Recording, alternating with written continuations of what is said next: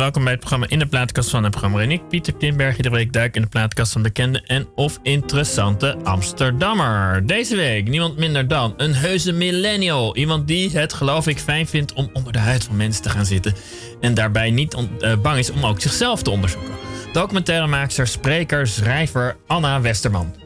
Datgene wat ik zelf nog wist van wat ze gedaan had, was de documentaire die ze maakte over de eerste generatie idols. Ruim tien jaar na dato. Met onder andere Jamai en Jim. En weet je dat nog? Mensen van boven de twintig. Die twee jongens waar op een gegeven moment ieder pubermeisje nou, van zwijmelde gewoon. Maar goed, daar onder andere over hem, maar nog ook alle andere maakte ze een documentaire. Uh, maar daarna maakte ze nog heel veel andere dingen, zoals het Millennial Manifest, waar ook een podcast over is gekomen. En ze heeft afgelopen jaar vrijwel letterlijk op de huis gezeten van een musicalzangeres en actrice Pia Douwes. Iemand voor, microfoon, uh, voor je microfoon geen afstand kent, zo gezegd. Een groot plezier hier in de studio te mogen ontvangen. Anna Westerman, Emma, sorry, Emma Westerman, van harte welkom. Hi Pieter, ik dacht dat je hebt je eerste 1 april grap te pakken door even Anna te roepen in plaats van Emma. Oh nee, Emma, Emma, Emma. Ja, nee, dat, staat gewoon prima, dus ik weet niet hoe die verspreking kwam. Hoe dan ook, uh, je hebt ook muziek meegenomen.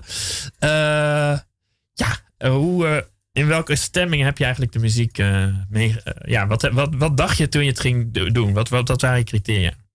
Nou ja, eh, je zei het al, ik ben een millennial, dus ik had een tikje keuzestress. Nou, hoort er bij de... Oh, nee, zeker, ja. zeker bij het fenomeen Spotify.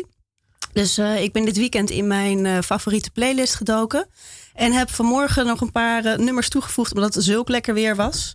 Dat ik dacht, nee, er moet nog even iets zomers tussendoor worden gezet. Beginnen we daar ook mee? Yes. Waar beginnen we dan mee? Nou, we beginnen met uh, Summertime. En dat is natuurlijk een, een gouden ouwe. Uh, van mijn, waarin jij het hebt, ja. Ja, ja Ella Fitzgerald. Dat is mijn uh, grote lieveling nog steeds. De allereerste jazzartiest die ik ooit echt heel erg goed beluisterde. Uh, volgens mij was ik een jaartje of twaalf toen. En ik weet nog dat ik helemaal blown away was van een documentaire die ik toen op, op tv zag. Ja? En ik zag haar zingen en ik vond dat zo geweldig. En uh, deze versie van Summertime uit 58 volgens mij, die is live. Uh, ja, staat 1958. Ja. ja. En uh, wat, ik, wat ik zo gaaf vind van haar is, zij heeft gewoon echt een paar, um, ja, een paar, ze heeft enorm veel hits die zij continu is blijven zingen tijdens haar optredens. maar zoals hier ook, ze weet er continu iets nieuws van te maken. En je hoort dan gewoon het plezier. En dat vind ik zo mooi ook aan haar als artiest. ze is nooit gaan hangen in het oude vertrouwen, vertrouwde ze is zichzelf altijd ja, blijven pushen. En uh, ja, geweldig. Ik vind het verschrikkelijk dat ik er nooit uh, live heb zien zingen.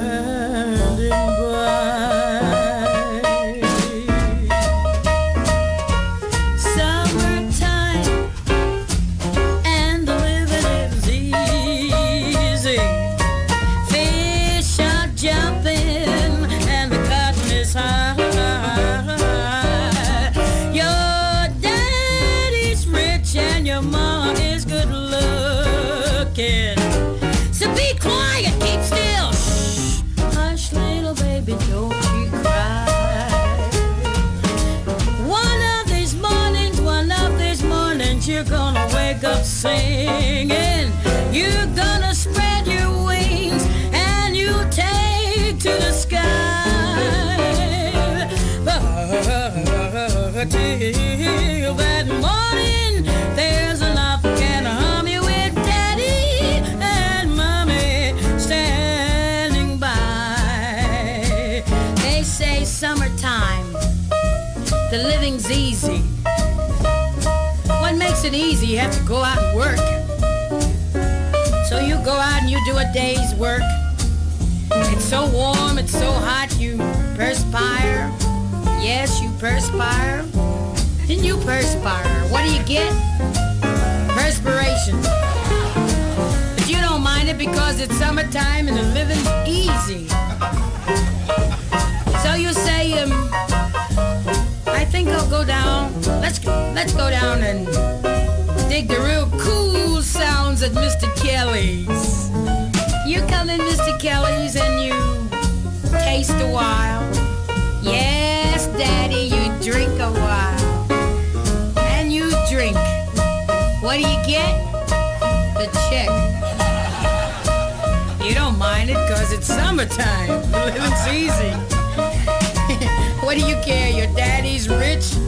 You got a good looking mother? With a good looking mother and a rich daddy. Summertime. That's what the song says. Living easy.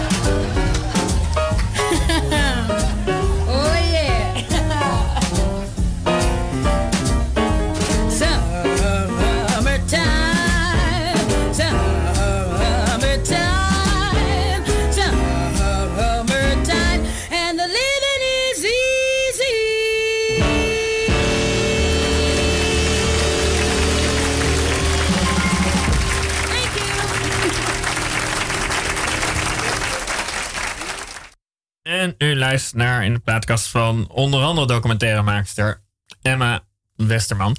En eh, we hebben net, net geluisterd naar Ella Fitzgerald. En jij hebt je natuurlijk ook verdiept in een musicalster. Ik heb, ja, Ella was natuurlijk geen musicalster. Nee, maar... jij was een zangeres Ja, uiteraard. Maar wel iemand die met zingen er geld verdient. Ja, klopt. Ja, ja. Ik heb, eh, eh, vorig jaar is mijn film over Pia Douwes uitgekomen. Mijn leven is van mij. Wanneer is die eigenlijk precies uitgekomen? Eh, we hadden in mei 2018 pre- eh, onze grote Oh, première in de al een Lamar. tijd geleden. Ja, en in december is hij op televisie gekomen. Oh, oké, en daartussendoor hebben we getoerd tussen, de- ja, door Nederland. Dus je bent in- eigenlijk net een beetje daar vanaf als het ware. Of zit je, zit je er nog wel een beetje mee in je... eh, Nou, dat je denkt van... eh, vanaf hij, hij zit vers in mijn bloed. Hè? Nee, niet vanaf dat je maar zo. van eh, intensief in je gedachten mee bezig. Of, Nou ja, het, het, het, het grappige is natuurlijk op het moment dat een film in dit geval op televisie komt in december en ook al de première eigenlijk, dan is de film al klaar. En, ehm, dat je echt met haar bezig was, is bijna ruim een jaar geleden. Ja, en we hebben natuurlijk gewoon nog steeds contact gehouden. En we zijn ook samen langs de, de, de, de filmhuizen gegaan in eh, Nederland. We hebben een nagesprek gehouden, de Q&A's, ja. Wat heel leuk was, want ja, het is uiteindelijk... Kijk, ik was van plan om een film te maken over een vrouw die al 30 jaar aan de top staat. De absolute top heeft bereikt in binnen- en buitenland in haar vak. Ja. En met de vraag, hoe houd je dat vol? En, en wat daarna? Wat, Ja. wat ga je nog doen? En eh Pia en ik hebben elkaar al wel wat jaren geleden ontmoet. Hoe hebben jullie elkaar ontmoet? Eh, dat kwam eigenlijk door mijn allereerste film. eh, Jan Mestag zingt Brel. Ja. En, Die je ook mee hebt genomen. die heb ik ook meegenomen. Daar ga ik straks ook wat van laten horen van Jan Mestag. Ja. En Jan en Pia zaten samen in de musical Cats. En ik had beelden van die musical nodig voor mijn film. Ja. En toen werd mij gezegd, ja, dan moet je de vader van Pia bellen. Want die heeft alles gefilmd wat zijn dochter ooit heeft gedaan. Dus Oh, ja. heb ik eh, Evert Douwes eh, gebeld. En eh, die had helaas geen beelden van Jan, bleek achteraf, maar wel van Pia. Ja. Dus ik kreeg een dvd al, van hem. Hè? Ik kreeg een dvd van hem Oh ja. met, met heel veel beelden uit alle momenten in haar leven. En dat vond ik zo bijzonder om op die manier iemand te leren kennen. Ja. Dat ik dacht, oh, dat, die, ik wil die vrouw ook in het echt ontmoeten. En toen het eenmaal zover was, dacht ik, ja, ik wil een film over jou maken. Omdat zij zo, zij is zowel heel erg krachtig en sterk, maar ook zo open en eerlijk en kwetsbaar. En Het deed me ik bedoel, ik heb deze documentaire niet gezien, wel van Janine Jans in haar tijd. Mhm. Maar wel fragmentjes van jouw documentaire. Mhm. Daar deed me een beetje aan denken. Zo'n vrouw aan de top die lang niet altijd eh, als top ervaart, zou ik maar zeggen. Eh, nou ja, de, de overeenkomst tussen de film over Janine Jans en over Pia is... eh, Janine in haar film stevend ze richting een burn-out. En Ja. die heeft ze na de opnames ook gekregen. Dus dat zie je eigenlijk een beetje aankomen. En tijdens het filmen met Pia is zij in een burn-out beland. Ja. Eigenlijk al vrij snel. En dat is iets wat niet de bedoeling was natuurlijk. nee, Van- was dat niet voor een deel ook voor jou heel onprettig? Ik bedoel, als je de, dacht je eh, gewoon als, als, als, als mens denk je wat vervelend voor je. Mhm. Als documentairemaker dan kan je het of als een buitenkant zien of als iets onhandigs. Of allebei Iets misschien. ertussenin. Ja, Ja. eh, wel, eh, het is natuurlijk wel een, een, een, eh, een verhaal. En het Ja. hoort bij haar leven. En het is heel dramatisch. Eh, dus het is voor een documentairemaker natuurlijk... eh, ja, je denkt, ja, daar, daar kunnen we wat mee, om het maar zo Ja. te zeggen. Maar tegelijkertijd vond ik het heel heftig. Omdat wij eh, inmiddels ook gewoon eh, heel close waren geworden als eh, ja, maker en onderwerp. Zat je een beetje in tweestrijd met jezelf? Heel Dat- erg. heel erg zelfs. Ja, ja, ja. Ik heb ook heel eerlijk aan haar voorgelegd van... Goh, ja, ik vind wel dat we de film door moeten laten gaan. Want ik denk dat je iets heel waardevols te vertellen hebt. Omdat ehm, Pia die is zo eh, grenzeloos in hoe zij haar vak beleeft. Ja. En wil daar alles uithalen. En ook uit haar leven in zekere zin. eh, tenminste in zekere zin, sowieso. Maar vooral op, op, op eh, haar vakgebied. ehm, ja, gaat zij gewoon altijd tot over de grens. En daardoor is ze ook zo goed geworden. Ben je daar jaloers op? Herken je het? Ik, ik bedoel, of zeg je het is gewoon een andere wereld? Of iets anders? In, Eh, in is hoeverre voel je daar verwantschap mee? Ben jij ook iemand die af en toe over je grens gaat? Of eigenlijk Eh, heel, heel totaal anders? Ik denk door, door de onderwerpen die ik tot nu toe heb eh, behandeld. Dus ik, ik ben nu tien jaar filmmaker en Ja. schrijver, maar vooral filmmaker. Eh, en mijn onderwerpen gaan heel vaak over ook eh, druk. Omgaan met druk. Dus ik Ja. heb generatie nooit genoeg gemaakt over mijn eigen eh, generatie. Ja. Ehm, alles kan, alles mag, maar hoe worden we gelukkig? Ja, millennials. Millennials. En eh, eh, de film over de idols, U kunt nog stemmen, die ging natuurlijk over God, de, druk van de roem. Ja. Weet je wel, van, van we willen allemaal beroemd worden, maar wat betekent dat echt? En wat gebeurt er als je in één klap vanuit het niks beroemd wordt? Wat doet dat met je? Ja. En Pia, die zit niet in het vak om beroemd te zijn. Die doet iets wat zij het liefst doet en waar zij helemaal in kan stralen. En dat herken ik wel heel erg. Het, het, iets doen wat zo erg nauw aan je hart ligt, dat je daardoor af en toe over je grens dreigt te gaan. Maar door al, nou ja, door al die voorbeelden en door al die verhalen ben ik wel er meer van doordrongen waar mijn grens ligt. Dus ik geloof wel dat ik daar beter mee om kan gaan nu met die stress en met die druk. Oh. door, door het, ehm, eh, de- dus, eh, nee, je, je, door zoveel dat te zien, ging je jezelf, eh, zie je bij jezelf sneller de grenzen? Moet ik het zo zien? Ja, ik denk ook omdat, kijk, ik, ik vind het zelf wel een bevoorrechte positie als maker, omdat ik eh, eh, heel nieuwsgierig en bijna schaamteloos vra- vragen kan stellen. Nee, dat, Ja. dat herken je, denk ik, als net een beetje radiomaker. over dat ik 15 jaar mijn radio maakte. Ja, dan doe je dat ook af en toe. Ja, nee, maar dat is Ja. dat. eh, Ik vind dat eigenlijk een voorrecht, omdat ik op die manier heel veel verhalen hoor en spiegels voorgehouden krijg of inspiratie Nou, krijg. want- en dat ik daardoor ook Is ook lessen leer. is het ook af en toe voor jou een soort therapeutische sessie? Nee, Nee? Nee, dat zouden hele nare films worden als je een therapeutische sessie in een film stopt. Nou ja, wel van. ehm, eh, ik, ik denk dat een, een schrijver, ik bedoel, ben je tenslotte ook, eh, Ja. ook een bepaalde manier een gesprek met zichzelf aangaat. Ja, maar dat vind ik iets anders dan een therapeutische Ja, sessie. Want dan zit je in een, in een proces of in een probleem wat je wil oplossen. Of eh, loop je ergens tegenaan. Ja. En probeer wel als ik ergens tegenaan ben gelopen. Bijvoorbeeld die druk, die heb ik heus wel ervaren. En ik heb Wat ook voor druk heb jij ervaren? Als ik vraag maar? Uh, toen ik midden twintig was bijvoorbeeld en net was gedebuteerd, had ik het idee dat ik veel sneller opeens veel meer moest presteren. Dat ik alles binnen vijf jaar gedaan moest hebben. Want ik was al bijna dertig, dus ik, moest, uh, ik moest alles gedaan hebben. Het dertig gevoel is eigenlijk heftiger dan het veertig gevoel, geloof ik. Kan ik erover nadenken. Nou, ik moet nog veertig worden, oh ja, dus ik weet het niet. Daar hoor je nou, me ik zou je zeggen, over. Jij, jij jonge dertiger, uh, het valt mee, het veertig gevoel. ja. maar, nee, maar ik denk dus dat, dat, ehm, dat je wel altijd iets mee kan nemen. Of sterker nog, dat je als maker altijd meeneemt wat er in je leeft en wat je hebt meegemaakt. Maar op het moment dat je zelf nog geen afstand kan, maken, eh, kan nemen, vind ik het altijd moeilijk om daar een verhaal over te vertellen. Nee, want ik krijg wel de indruk dat jij heel vrij uh, het geluk hebt gehad, er voor jezelf verworven, mag je ook antwoord op geven, hm. om je eigen onderwerp te kiezen. Wat bedoel je? Nou, je kan ook, ik bedoel, je kan ook denken van waar ligt de markt en dan eigenlijk bijna geleid door wat voor druk dan ook, maar niet eentje die echt direct uit jezelf komt besluit iets te maken. Of, maar ik krijg bij jou de indruk dat je heel, uh, misschien zit ik ernaast, er echt gewoon gedacht wat wil ik weten? Ja, dat is altijd wel het beginpunt, ja. Ik, uh, en ik denk dat dat heel vaak ook overeenkomt uh, tot nu toe met wat er dan ook leeft. Omdat ik um, heel vaak me daarbij baseer op wat gebeurt er in mijn omgeving. Dus bij Generatie Nooit Genoeg merkte ik dat er om mij heen heel veel eh, in de kroeg werd gezegd van... goh, ja, weet je, alles kan, alles mag, maar wat nu dan? Nee, want dat vroeg ik wel een beetje af. Je noemt jezelf millennial. Je hebt zelfs een manifest in ieder geval geschreven. Je hebt verschillende ja, mensen het millennial manifest, ja. ja. Uh, nou, je mag je ook inderdaad nu even... Of nee, we doen, we doen even een nummertje. En daarna gaan wij het over Millennial Manifest en jou, jouw generatie hebben. Wat gaan we nu doen? Uh, laten we dan Youth draaien van Daughter. Daughter, sorry. Kijk. En... En dat die heb ik meegenomen omdat dat. Uh, dat zong op een gegeven moment een, uh, een gitaristenzangeres uit Haarlem.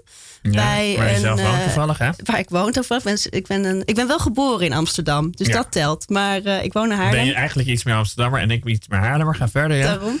Um, nee, ik, ik, uh, we hadden een event uh, over en voor millennials. En Tess, zo heet zij, zij zong dit nummer als cover. En um, dat trof mij toen zo heel erg. Het, het, volgens mij gaat het officieel over liefdesverdriet, maar ik hoorde er ook heel veel in uh, wat millennials zeggen over het leven en over de manier waarop zij daarin staan.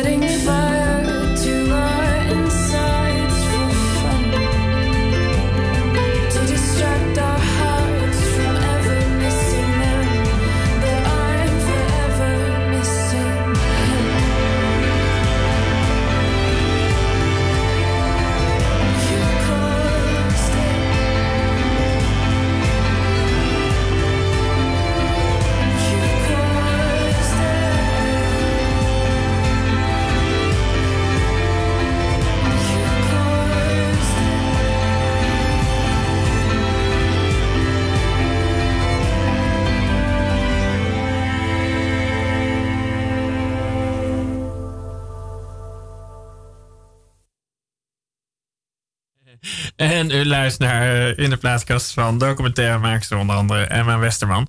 Ehm, eh, wat er, want eigenlijk eh, was ik me nooit zo bewust van het hele begrip millennial tot afgelopen weekend. Toen ik me jou ging verdiepen. Wat maakt jou, iemand die in 82 geboren is, anders dan mij die iemand die in 74 geboren is? Of ben ik ook een stiekem millennial? Nou ja, dat is eigenlijk al een hele interessante vraag. Want het hele benoemen van een hele generatie, kan dat eigenlijk wel? Kan ik wel, weet je, wij, wij, nou, wij, wij zijn verschillend niet alleen omdat we een andere leeftijd hebben en een andere generatie. Ja. Je bent een persoon, maar hoe, hoe spreek je dan over generatie? dat- ja. Tuurlijk. Maar wat interessant is van een eh, millennial generatie, en dat is eh, grofweg mensen die zijn geboren tussen 1980 en 2000. Oh, oh het is 20 jaar. Ja. Ja, Oh ja. het is Oh. vrij breed. Ik Ja. ben zeg maar een soort, ik ben een soort oude millennial, kan je het zeggen. en je hebt dus ook hele jonge millennials die nu een, een jaar van 18, 19 zijn. Ja. Nou ja, wij, wij zijn opgegroeid allemaal in een tijd waar met zo ongelooflijk veel eh, mogelijkheden, eh, input, prikkels, noem maar op, Ja. ehm, waar we mee moeten dealen. Ja, Even heel kort samengevat. Ja, nou ja, ik zat inderdaad, nu je het zegt, dan denk ik, ja, ik heb inderdaad, eh, ik ben dus van 74, de introductie van de computer nog meegemaakt. Dat betekent dat voor mijn, mijn twaalfde computer amper een rol speelt. Dat heb jij nooit gekend. Die heeft altijd een rol gespeeld. Klopt, ja. En ik zit dan zeg maar nog wel net dat ik eh, de opkomst van het internet was toen ik op eh, nou, ongeveer middelbare school, zeg maar, kregen wij thuis internet. Een Wat dan, cassettebandje zegt je ook nog wel iets. ja, ja, ja, zeker. Ja. Ik heb nog heel lang met een Walkman eh, long- rondgelopen. En het vroegere internet was bij ons dat je dan eerst je mail helemaal op de computer moest hebben getikt. En dan kon je dat heel snel, ging je inbellen, volgens mij heette dat toch? Ja, En dat dan inderdaad alles ging kraken en dan heel snel mailen, zodat het zo min mogelijk tijd zou kosten. ja. Dus de hele eh, dag online zijn was nog echt eh, heel ver weg. Dat is meer voor de late millennials. Inderdaad. Maar we zijn wel opgegroeid met inderdaad, de, eh, de wereld is gewoon overal bereikbaar. En Ja. dat is natuurlijk tot een soort summum nu gekomen. Van we kunnen met iedereen meekijken, met iedereen meeleven. Wat eh, ervoor heeft gezorgd, we kunnen onszelf vergelijken met iedereen die we maar willen. Ja. We hebben ongelooflijk veel keuzes. Eh, maar ook heel veel druk om te presteren. En vooral ehm, wat ik heel vaak meekrijg. En een van de redenen dat eh Thijs Launsbach en Ike Kramer en ik eh, Millennial Manifest zijn gaan schrijven. Is Ja. dat we merkten dat er onder millennials heel weinig. eh, ik hoop nu wat meer, maar heel weinig Ja. werd gecommuniceerd over de druk die wordt gevoeld. Ehm, Wat voor druk ervaar jij bijvoorbeeld? Jij bent de, ka de kaas omdat je hier zit. Wat voor druk eh, er- ervaar je dan bijvoorbeeld? Nou ja, dat is eigenlijk wat ik, wat ik ook net al zei. Van toen ik midden twintig was, te druk dat ik dacht... oh, ik moet nu... eh, ik heb een film gemaakt en nu moet ik binnen vijf jaar... moet ik al mijn grote levensdoelen hebben vervuld. Voelde je überhaupt een druk ooit om een film te maken trouwens? Eh, nee, eigenlijk niet. Grappig genoeg niet. Nee, ik ben. ik wilde altijd wel schri- schrijver worden, verhalenverteller. Maar mijn eerste film is ontstaan door een persoonlijke fascinatie voor Jan Mestag. Ja, maar daar ga ik zo verliefd? op, want dan, dan, dan ja. drijven we af van de millennials. Ja.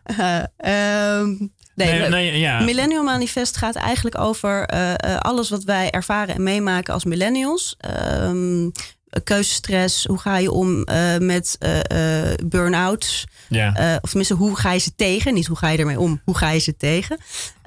Maar ook online daten. Of onze Nou ja, want- drang want- om beroemd te worden. Weet je wel, waar heb, komt het vandaan? Wat, wat jullie ook gedaan hebben. En de, 8 december zag ik de laatste op iTunes. Ehm, Millennial Mindfuck. Ja, Millennial Mindfuck Ja. podcast. Waar eigenlijk, ik dacht, dat is ongeveer dit programma qua sfeer. Voor een flink deel in ieder geval. Eh, jullie met z'n drietjes bijna. En iemand die het gesprek leidt. Mhm. Malou Holshuizen, ja. Ja, Ja. toch wel gezellig praten over ernstige problemen vaak. Klopt, ja, want we zijn wel van mening. Kijk, eh, ook over dingen die gewoon serieus zijn, eh, kan je ook gewoon op een hele open en losse manier praten. Dat is ook altijd onze insteek geweest van het Millennial Manifest. Nee, om want, heel ja. optimistisch te zijn. Want we zien het ook niet als iets onoplosbaars, maar wel iets waarover moet worden gepraat. Je was heel eerlijk over je eh vrijgezellen bestaan en je seksleven. Een panda, dat is een begrip wat ik Nou leerde hebben we kennen. 22 afleveringen gemaakt en dat haal je eruit. Eh, nee, je, je scant het. Ik heb je net ook over de politiek. Je was van een partij die ik geld, herken. macht, politiek. En Ja. wij hebben het over mijn single bestaan. Ja. Nou ja, ik dacht wel, eh, god, die is eerlijk. Ja, ja, maar ik geloof ook wel. eh, kijk, ik, En- ik vertel niet alles. Moeten we dan toch ook even, of wil je dat niet? Oh jawel hoor. Ja, nee, kijk, ja, ik ben, ik ben eerlijk. En Thijs en Ike zijn dat overigens ja, ook. Ja, Eh, en Malou ook. Ehm, omdat ik ook geloof, kijk, eh, om een eerlijk gesprek te voeren met elkaar, Ja. moet je ook eerlijk zijn. ja. Ehm, en het betekent niet dat ik echt alles zal vertellen. Maar ehm, ja, ik denk wel dat we heel vaak een beetje de schone schijn lopen op te hangen. Eh, kijk maar bijvoorbeeld, ja. kijk naar Instagram-accounts. Ik bedoel, dat is ook allemaal mooi opgepoetst Nee, en ik- mooi geposeerd en weet ik veel wat ik allemaal. heb sommige mensen ontvriend op Facebook omdat ik met iets te veel gezellige borrels geconfronteerd werd die ik niet interessant vond. Uit jaloezie. Of, Eh, eh, ook wel een beetje uit jaloezie, als ik heel eerlijk ben. Ja. Ja? Ik, dacht, ik dacht, ik word hier verdrietig van, want ik had op dat moment die gezellige borrels niet. het heb je mensen ontvriend. Ja, dat werken zij verder weinig van. Ik bedoel, maar je kan toch ook vragen, mag ik op je borrel komen? Nee, nou goed, dat is een. Dat, ik had helemaal geen zin om op haar bos te komen. Maar het was wel dat ik dacht van. Gewoon, eh, dit, is mij iets. Te, dat is inderdaad die schijnwereld. Ja, maar dat, dat, is, dat vind ik dus zo ongelooflijk interessant van dit soort onderwerpen. Omdat Ja. dit alleen al, dat je dus mensen gaat ontvrienden omdat dit een bepaalde. Nee, maar dat serieus, dat, dat het iets met je doet. Ja, En, eh, en ik denk ook, kijk, we leven in een wereld waarin we opnieuw moeten gaan uitvinden. Ja. Of in een tijd moet ik zeggen, waarin we opnieuw moeten gaan uitvinden hoe ga je daarmee om. Want we zijn nog steeds hetzelfde als mens. We hebben nog steeds behoefte aan contact met elkaar. We hebben nog steeds dezelfde wensen en idealen. Alleen we hebben zo ongelooflijk veel mogelijkheden erbij gekregen om elkaar Nou, te zien en met elkaar om te gaan. ik denk dat we nog niet eh, eh, uit zijn. En we hoeven- ik heb het idee dat iedereen verschillend denkt over hoe je met privacy omgaat in het internet. Ja, Dat zit. Dat, eh, is echt, daar kan je ongeveer een DNA op baseren ongeveer. Ja. Ja, ik, ik weet niet of je laatste discussie hebt meegemaakt. Vorige week was het volgens mij de dochter van Gwyneth Paltrow. Apple Paltrow, of Ja. Apple, nee, Apple Martin heet ze geloof ik. Ehm Gwyneth had een, een foto, een skivakantiefoto van haar en haar dochter eh, geplaatst. Ja. De dochter heeft een gigantische skibril op. Dus haar, de moeders redenering was, je kan niet zien wie mijn dochter is. Dus haar privacy is gewaarborgd. ja. En eh, Apple die heeft eronder gezegd: Mam, wat hadden we nou afgesproken over foto's plaatsen waar ik geen toestemming voor heb gegeven? Dat had die dochter zelf gedaan. Nee, dat heeft die moeder. Oh. Hij had een foto geplaatst Oh, van haar en de dochter. En de, En dochter gaf eigenlijk een reprimande aan de moeder: Ja. van dat doe je toch niet? En toen is daar een enorm interessante discussie onder ontstaan van mensen die of de kant eh, kozen van Gwyneth of van haar dok- Hoe dochter kan je de kant van Gwyneth kiezen eigenlijk? Nou ja, er waren moeders die zeiden: ja, je, mag, je mag je niet eh, disrespectvol doen naar je moeder. Je moeder weet wat het best voor Ah. je is. En je was toch onherkenbaar. Nou, maar interessant dat dat dan dus inderdaad een discussie eh, wordt online. En over de privacy, inderdaad, mag je wel. Als je een baby hebt gekregen en je zet het online, is dat privacy schending of niet van je kind? Ja. Dat soort vraagstukken. Super interessant. Maar ben, je, ben jij. ehm, ben je daar nog. eh, ben je daar ook nog steeds int- intens mee bezig met het hele. Ik heb het idee dat millennial blijft aan je hangen. Kan dat kloppen? Pia Douwes is toch iets dat over een jaar, denk is het gewoon een interessant aspect uit je verleden geweest te zijn. Wellicht nog een goede vriendin. Terwijl millennial heb ik het idee van, daar, daar, daar, daar is het nog niet helemaal klaar mee. Eh, ik, de- ik denk dat het ook heel erg met elkaar te maken heeft, heel eerlijk gezegd. Dus de film over Pia en eh, haar burn-out en hoe houd je regie over je Zij is eigen leven. geen millennial, maar even een obvious ding te zij, zeggen. zij is geen millennial, nee, Ja. nee zij is eh, vijftiger. Maar ehm, het heeft wel met elkaar te maken. En die problematiek is niet alleen maar, hangt niet alleen maar bij de millennials natuurlijk. Eh burn-out zijn van alle leeftijden op dit Ja, moment. Alleen goed, bij de millennials zit de piek. Oh, dus, ja? eh, maar om je vraag te beantwoorden, ja, nee, millennials, ja, ik vind het nog steeds een heel interessant Nee. gegeven. En ik ben ook inderdaad, eh, ik spreek ook wel inderdaad over dit soort onderwerpen. En ehm, ja, zolang ik ehm, dat soort dingen kan doen en daarbij mensen kan aanmoedigen om met elkaar in gesprek te gaan. We hebben hier, want we zitten nu in Pakhuis de Zwijger. We hebben Ja. hier ook een event georganiseerd rond het boek.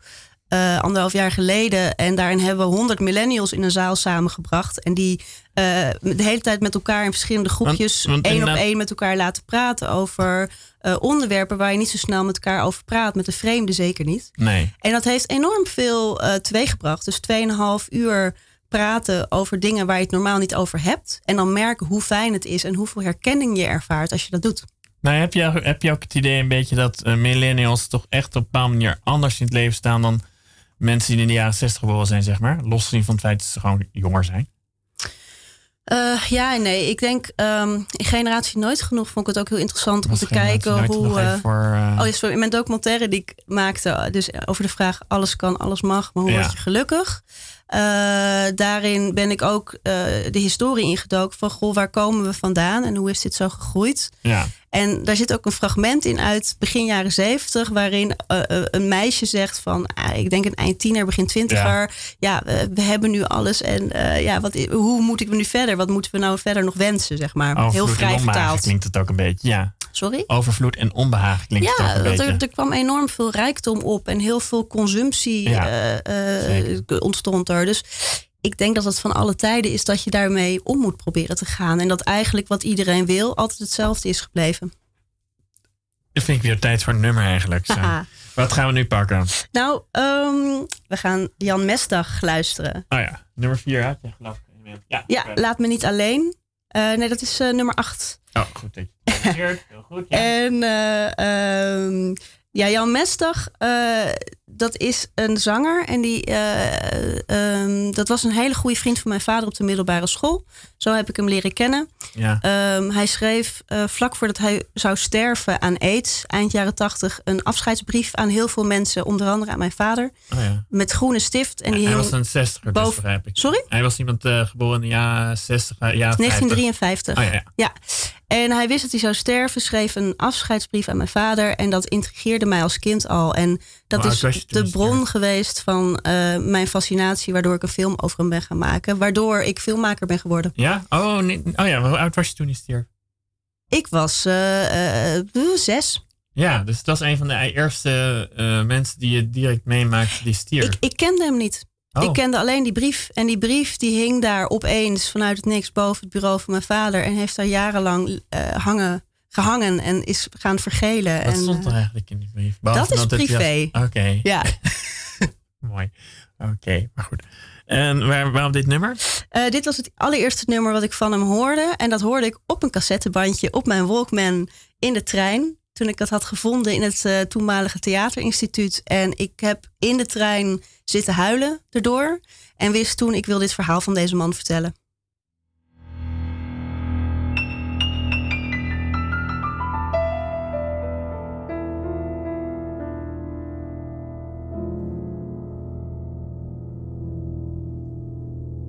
Laat me niet alleen. Toe, vergeet de strijd. Toe, vergeet de nijd. Laat me niet alleen. En die domme tijd, vol van misverstand. ach, Vergeet hem, want het was verspilde tijd. Hoe vaak hebben wij een snijdend woord ons geluk vermoord? Kom, dat is voorbij. Laat me niet alleen. Laat me niet alleen. Laat me niet alleen. Laat me niet alleen. Lief. Ik zoek voor jou in het stof van de wegen, de parelen van regen, de parelen van dauw. Ik zal heel mijn leven werken zonder rust om jouw licht en lust goud en goed te geven. Ik sticht een gebied waar de liefde troont, waar de liefde loont, waar jouw wil geschiet. Laat me niet alleen. Laat me niet alleen. Laat me niet alleen. Laat me niet alleen.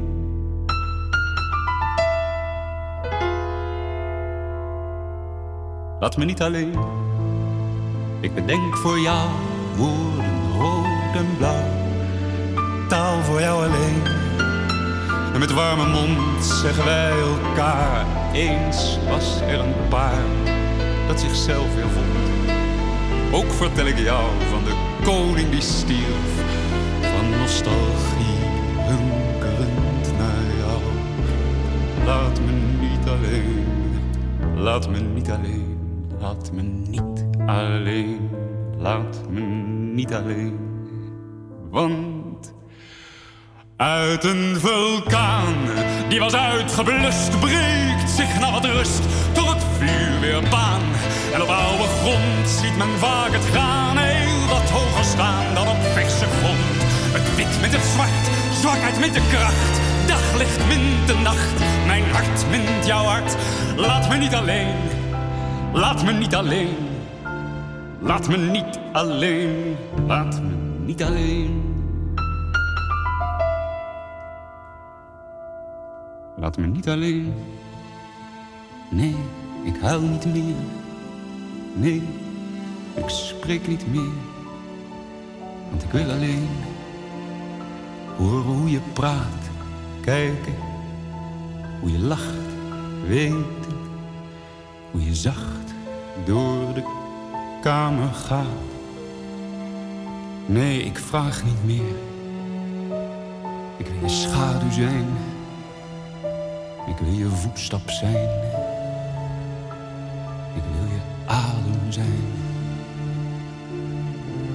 Laat me niet alleen. Laat me niet alleen. Laat me niet alleen. Laat me niet alleen.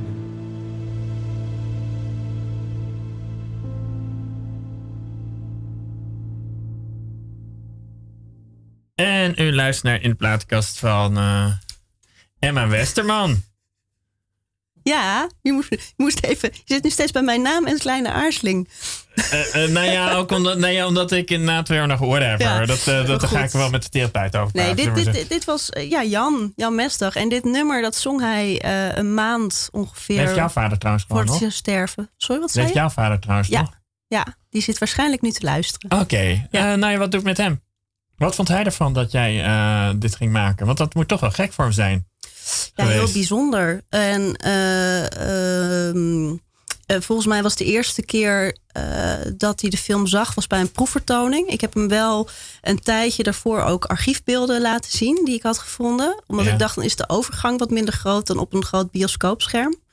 Ehm, maar ik heb het idee dat het voor hem ook gewoon een heel mooie gedachte vooral was dat zijn dochter een film maakte over zijn, zijn jeugdvriend. En ehm, ja, en ik denk ook, ik heb dat ook meegekregen van de sprekers in de film. Dat zijn allemaal, eh, weet je, de tweelingbroer van Jan. Dook je ook een klein film. beetje in jouw vader? Sorry? hiermee? Omdat het een jeugdvriend van je vader was en die documentaire. Dook je ook een klein beetje in jouw vaders wereld? Eh, nee. Nee, totaal niet. Het ging echt over een heel andere wereld dan die van je vader. Ja, ja, ook omdat, kijk, de, de, die vriendschap, die was echt in hun jeugd. En ehm, eh, dus wat dat betreft hebben ze ook nooit meer... Hij, mijn vader komt niet uit de theaterwereld, die is journalist. Ja. Ehm, nee, dus dat, dat, dat, dat heeft verder weinig met elkaar te maken. Maar ik ben wel heel blij dat ik door die film Jan heb leren kennen. En daar ben ik nog steeds heel dankbaar voor. Sterker nog, eh, die film is nog steeds de basis eh, van alles wat ik nu doe. En daar Oh, ben ik me heel erg van bewust. Nou ja, want, eh, eh, Jan eh, eh, Mes, eh, Mesdag is in ieder geval geen millennial. je probeert een brug te maken. Nee, helemaal niet. Nee, helemaal nee, niet. Nee, wat ik, wat ik, millennial. nee, ik, ik, ik zou even niet. eh, waar, waar- waarom ik dat integreerd vind, is omdat ik. eh, ik een beetje als de rode lijn zag dat je zo langzamerhand inderdaad millennial een bepaald soort druk heel interessant vindt. Mhm. En ik, eh, had hij last van een bepaalde druk trouwens?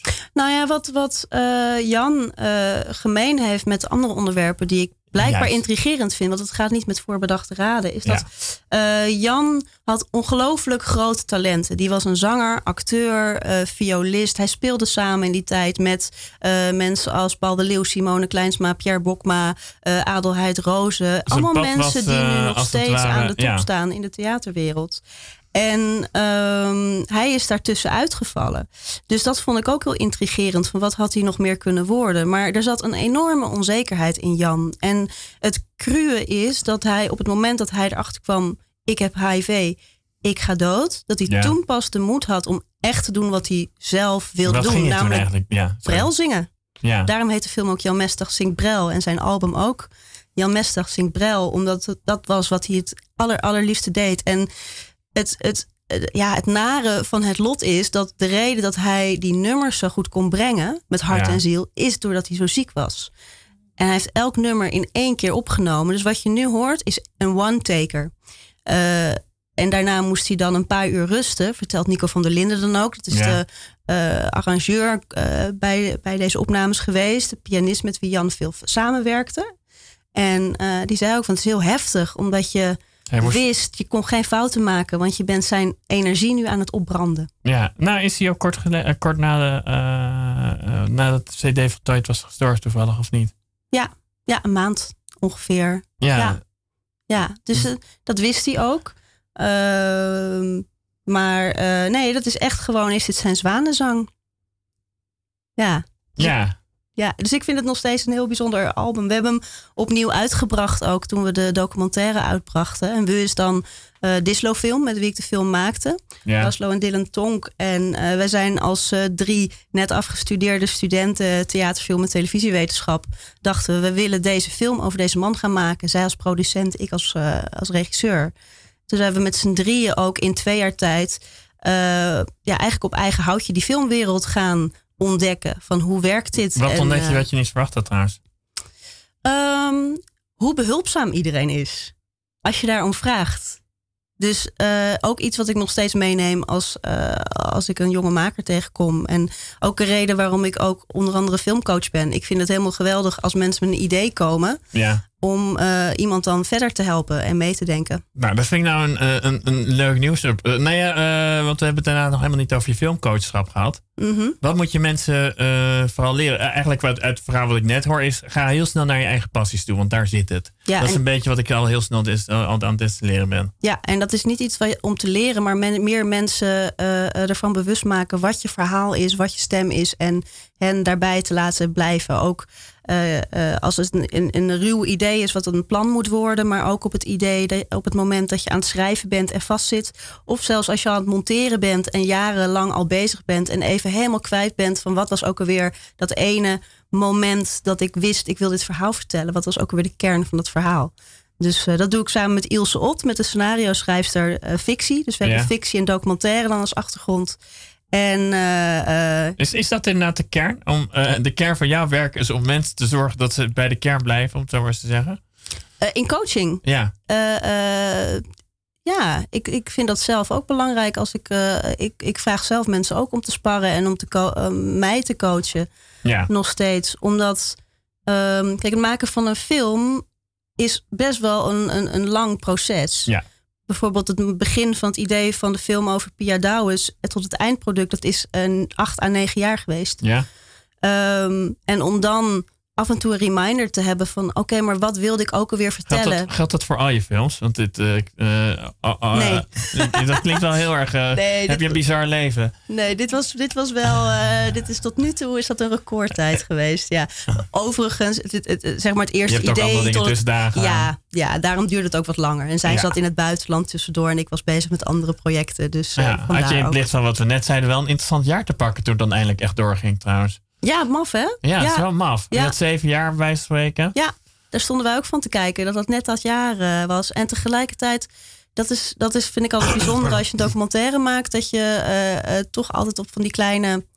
Ja, ik wil dit niet een wondertje noemen, want dit Ja. was gewoon heel heftig. Maar er gebeuren altijd dingen die je nooit had kunnen voorzien. En die dan precies passen binnen je, verha- binnen je verhaal. En dat is heel daar- bizar. Want ben je nu ook met iets bezig waarvan. eh, stel dat je mag vertellen. en wat je ook mag vertellen inderdaad. Eh, ik ben wel met iets bezig, maar dat mag ik nog niet vertellen. Oké. Jammer. Ja. Eh, nee, maar eh, nee. Iedereen die dit programma vaker luistert, weet dat ik dan niet helemaal zo makkelijk laat afgeven. Ehm, he- heeft, heeft het inderdaad weer met druk te maken? Nee. Heeft het met individuen te maken? Oh, dat vind ik een leuk raadspelletje. Ja, Oké, heeft het met mensen uit de showbiz te maken? nee. Heeft het met, wel met, met mensen uit de literaire wereld te maken? Ik doe, dit, Nee. ik doe dit werkelijk iedere avond, dames en heren, met mijn dochter. Raden, raden. Dus ik ben getraind. Ehm, is het een ding of is het een mens? Nee, een grapje. Eh, nee, eh, Allebei. ja? Ja. Oh, nou, oh, daar kan ik echt helemaal over gaan op de badkamervragen van thuis. Ehm, als ik met mijn dochter gewoon raden raden speel. Dit wordt is het een heel eh, raar spel. Is het, in, is het Nederland of is het, een, eh, is het in Nederland of is het in... Het is in eh, Nederland. Ah, Oké, en gaat het ook weer een, eh, een jaar duren? Eh, nee, gaat korter duren. Ah, Oké, Eh, en wanneer ga je beginnen? Eh, dat weet ik nog niet. We wachten nog op akkoorden. Nou ja, en met hoeveel mensen ga je het maken? Ehm, eh, nou ja, met een crew. Dus meestal, eh, ik werk meestal met eh, een cameraman, met Ja. Erwan van Buren vaak. Geluidsproducent, componist, editor, nabewerking. Ja, rekenbaar uit. Dus dat is een, altijd een hele mooie ploeg die met wie En dan heb je inmiddels, want je hebt inderdaad al genoemd. Weet je, even kijken hoe laat leven. Zullen we, zullen we nog twee nummertjes doen? Gewoon voor lol. Ja, let's. Gewoon, ja, let's Gewoon, het heet toch in de platenkast. Ja, het heet tenslotte toch in de plaatkast. Volgens mij hebben we er ook nog niet eens heel veel gedaan. Dus dan eh, gaan we nog eentje doen. Wat zullen we nu doen? Ehm, Kijk maar even op het lijstje. Dan kun je ik, een beetje wil, ik wil inschatten. heel graag eh, eindigen Ja? met, met De laatste die er eh, de staat. laatste die er staat. Dus laten we De Car Song of... Miss, Song doen. even kijken. Oh, ja. En waarom Miss Silly Song uit? Eh, de eerste keer dat ik dat hoorde was in de film The Color Purple. Dat is een van mijn Oh, ja. lievelingsfilms ooit. Waarom En, trouwens? ah, omdat ik elke keer als ik het zie, en er zit meestal een paar jaar tussen, haal ik er weer iets nieuws aan Oh, uit. En eh, de band die daar eh, te zien is tussen die vrouwen. En het boek vond ik ook prachtig overigens. En in dit lied zit dat echt. Sorry? Wie had het ook weer geschreven, vroeg ik me af. Maar goed, Oh joh, dat, dat ja, doet er even niet toe. In ieder weet ik geval... niet meer. Steven Spielberg heeft hem nog eh, ge- geregisseerd. Ja, natuurlijk. Met Whoopi Goldberg in een dramatische rol. Ik ga Ja. zo googlen. We gaan het zo googlen, we gaan het zo even vertellen. Maar nu gaan we dus luisteren naar... Eh, Miss Silly's Blues van Tata Vega.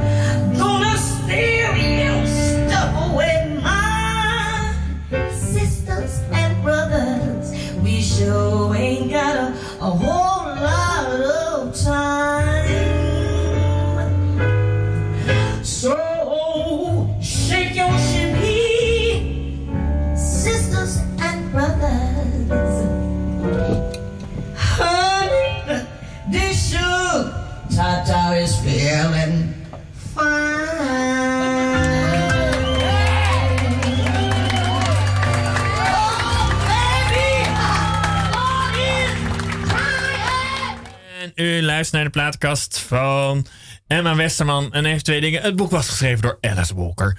En ehm, even mensen die denken: hey, die Emma Westerman, dat is interessant, daar wil ik meer van weten. Nou, ze heeft gewoon een erg goede website. Durf ik gewoon over haar te leren. En dat is een kwestie van Emma Westerman met twee N'en op het laatst. Even googlen en dan eh, kom je er helemaal aan. Dan kan je allerlei dingen zien die ze gedaan heeft en waar we het dus ook over gehad hebben. Ehm, nou, je bent dus nu druk bezig met. k- kan jij nog dagelijks de vonk vinden van het project waar je dus niet veel over vertelde eh, in Nederland? Eh, of zeg je, ik moet ook af en toe nog wel zoeken naar die vonk in mezelf? Ehm, nee, ik, ik vind meestal die vonk wel, maar ook ik, ik vind het heel fijn om schrijven en filmmaken af te wisselen. Dus eh, bijvoorbeeld de tijd dat ik eh, aan Millennial Manifest aan het schrijven was, Ja. eh, kon ik me daar helemaal op gooien. En dan was het heel lekker om daarna weer met de film aan de slag te gaan. Dus tot nu toe, even afkloppen, Ja, lukt eh, dat? komt er nog steeds Nou, komen er zin, ideeën. Ik heb het niet echt gehad eh, over je 19 en zo, dat soort dingen. Wat ik uh, andere, andere keer wellicht. Maar het is je best wel gelukt allemaal. In, zin. in die zin, je hoeft jezelf geen druk meer op te leggen, omdat het wel lukt. Je hebt jezelf een soort vrijheid verworven. De druk, eh, ik kan me voorstellen dat je gewoon, ook omdat je bereikt hebt wat je bereikt hebt, de druk sowieso wat minder kan voelen. Klopt dat? Heb je af en toe druk nodig om vrijheid te krijgen? Eigenlijk is dat de vraag. Nou ja, ik denk wel dat ik nog steeds de druk voel om steeds eh, een stap verder te zetten als maker. Ik vond bijvoorbeeld eh, bij de film over Pia was het de eerste keer dat ik zelf ook heb gefilmd en de, en de audio heb gedaan. Ja. Dus echt een, als een one-man band gefilmd. En dat was super eh, spannend, eh, omdat ik daar toch best wel wat druk voelde. Dat ik ook steeds dacht van nou, Maar toen heb je vrij doelbewust je eigen, eh, eigen plafonnetje gecreëerd, om het zo maar te zeggen. Niet helemaal omdat ik dacht, nu laat ik, ga ik het eens even spannend maken voor mezelf. Maar wel omdat ik dacht, dit verhaal heeft het nodig dat ik één op één met Pia vaak ben. het moest heel intiem blijven in alle opzichten. Juist, ja. En dat was eigenlijk al voordat ze een burn-out kreeg. Maar zeker tijdens die burn-out heeft het heel erg geholpen.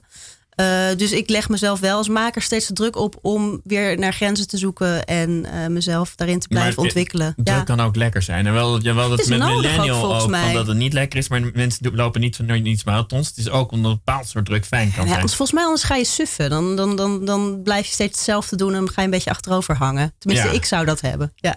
Ja, dus tot op zekere hoogte wil je druk ervaren. ja, maar geen stress. Oh ja, Ja. En, en daar zit een dunne scheidslijn tussen, begrijp ik.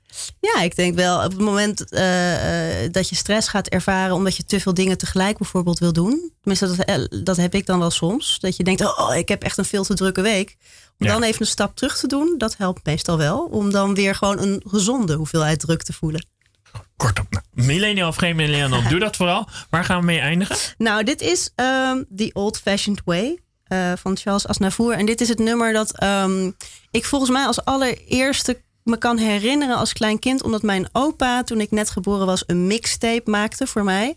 En daar stond onder andere dit nummer op. Dus dat heb ik gewoon heel vaak gedraaid, ook als kind. En ik vind nog steeds mixtapes. Ik vind dat het, het meest jammere van het feit dat we geen cassettebandjes meer hebben. Omdat het geven van een mixtape vond ik het mooiste om te maken en om te krijgen. Omdat iemand dan zo heeft nagedacht over de muziek die je krijgt. Een beetje zoals nou, in de platenkast van. Dus ik Ja. vond het wel ook heel toepasselijk om daarmee te eindigen. Nou, en we zijn begonnen met toen je 12 was.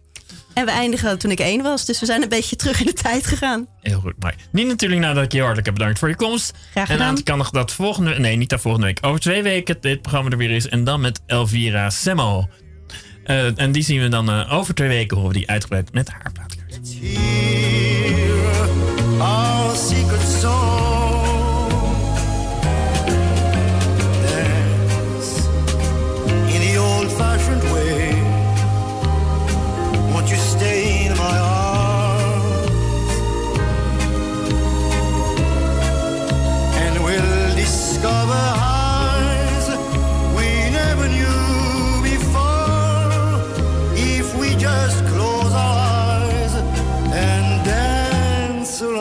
Floor.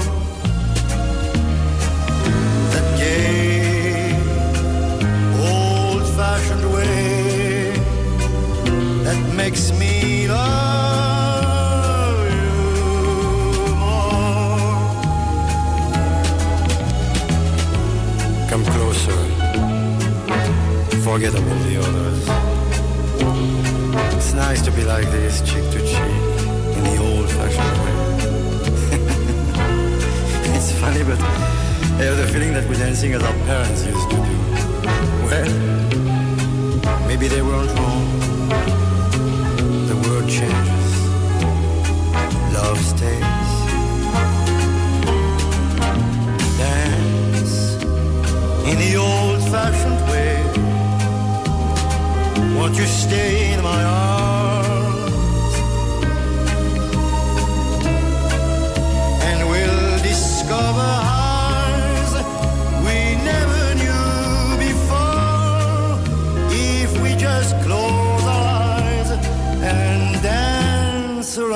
Floor. That gay, old-fashioned way that makes me love